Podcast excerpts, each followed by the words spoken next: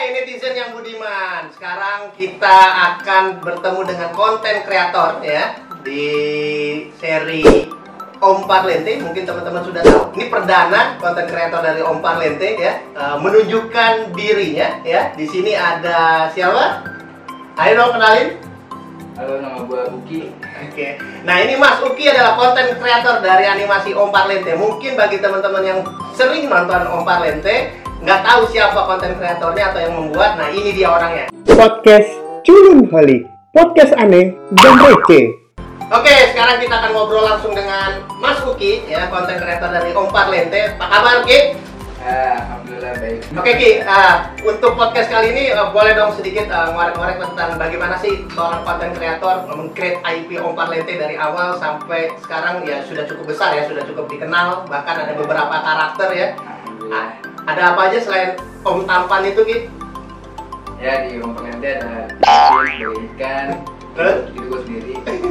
Etan juga, gue juga, ada rumah pengantin dan figur yang lain sih. Nah, di sini Uki dubbing suara karakternya nggak?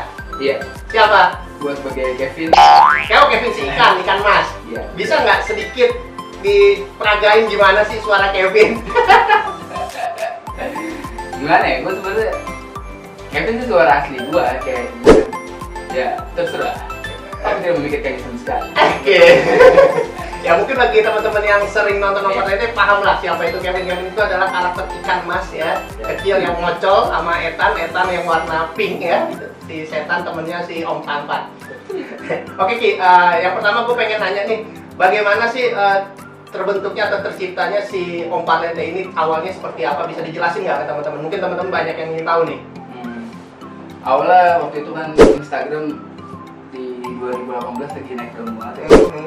Itu dia nyentuh di top rank lah di peringkat paling paling tinggi di Asia Mhm. untuk platform ya. Mhm.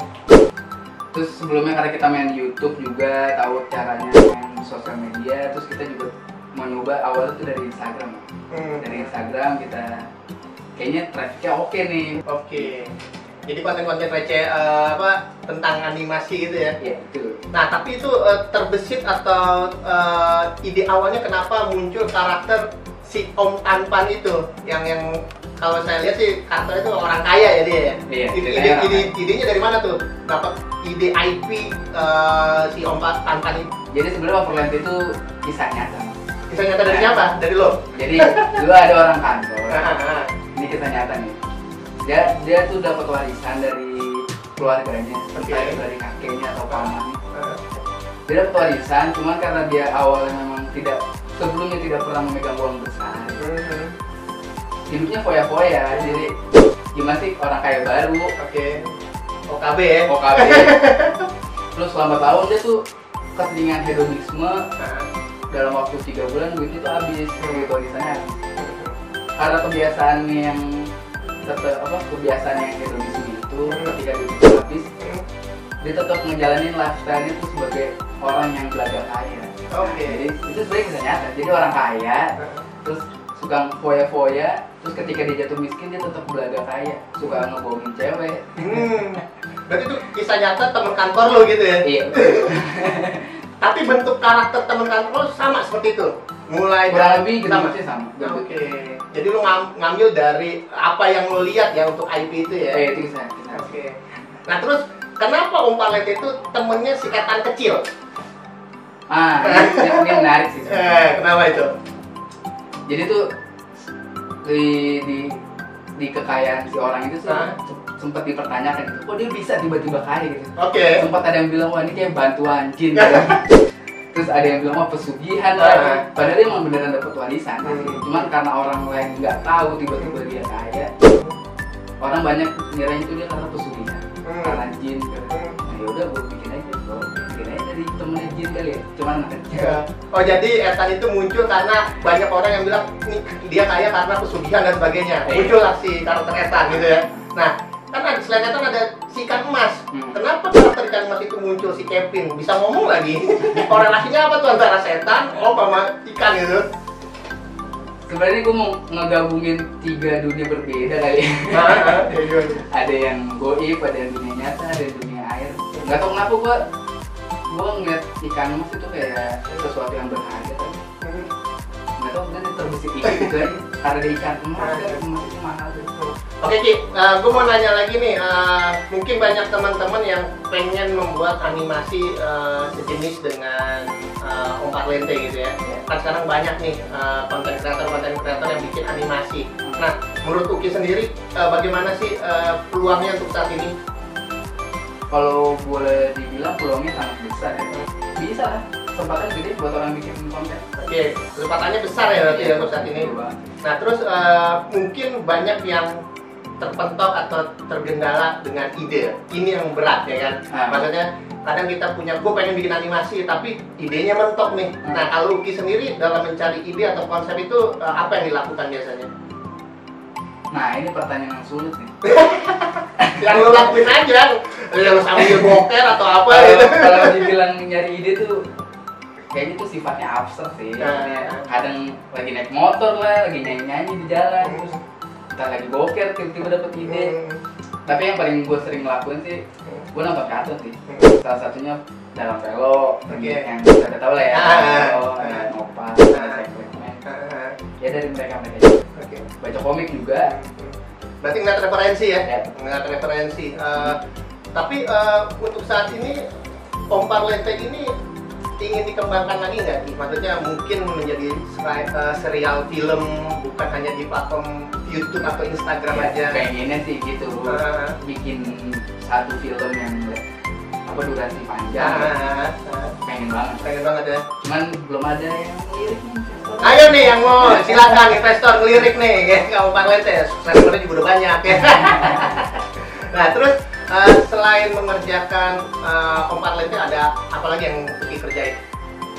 ya ada dunetan Oh itu pecahan ya? pecahan ya ada Nah. dunetan terus ada kalau tahu animasi serial animasi RT gitu kita juga nanti Uki sendiri atau ada ada tim nih nanti? Oke. Kalau Etan nih juga Etan kayak gimana seru nih kayaknya? Si Etan sendiri nih, ya kan? nah Gimana? kalau karena peminat Etan banyak Iya. ya banyak yang minta kayak dailynya Etan gitu. Ya lebih ke ini sih genrenya doang sih. Kalau Om Perlente kan genrenya komedi ya.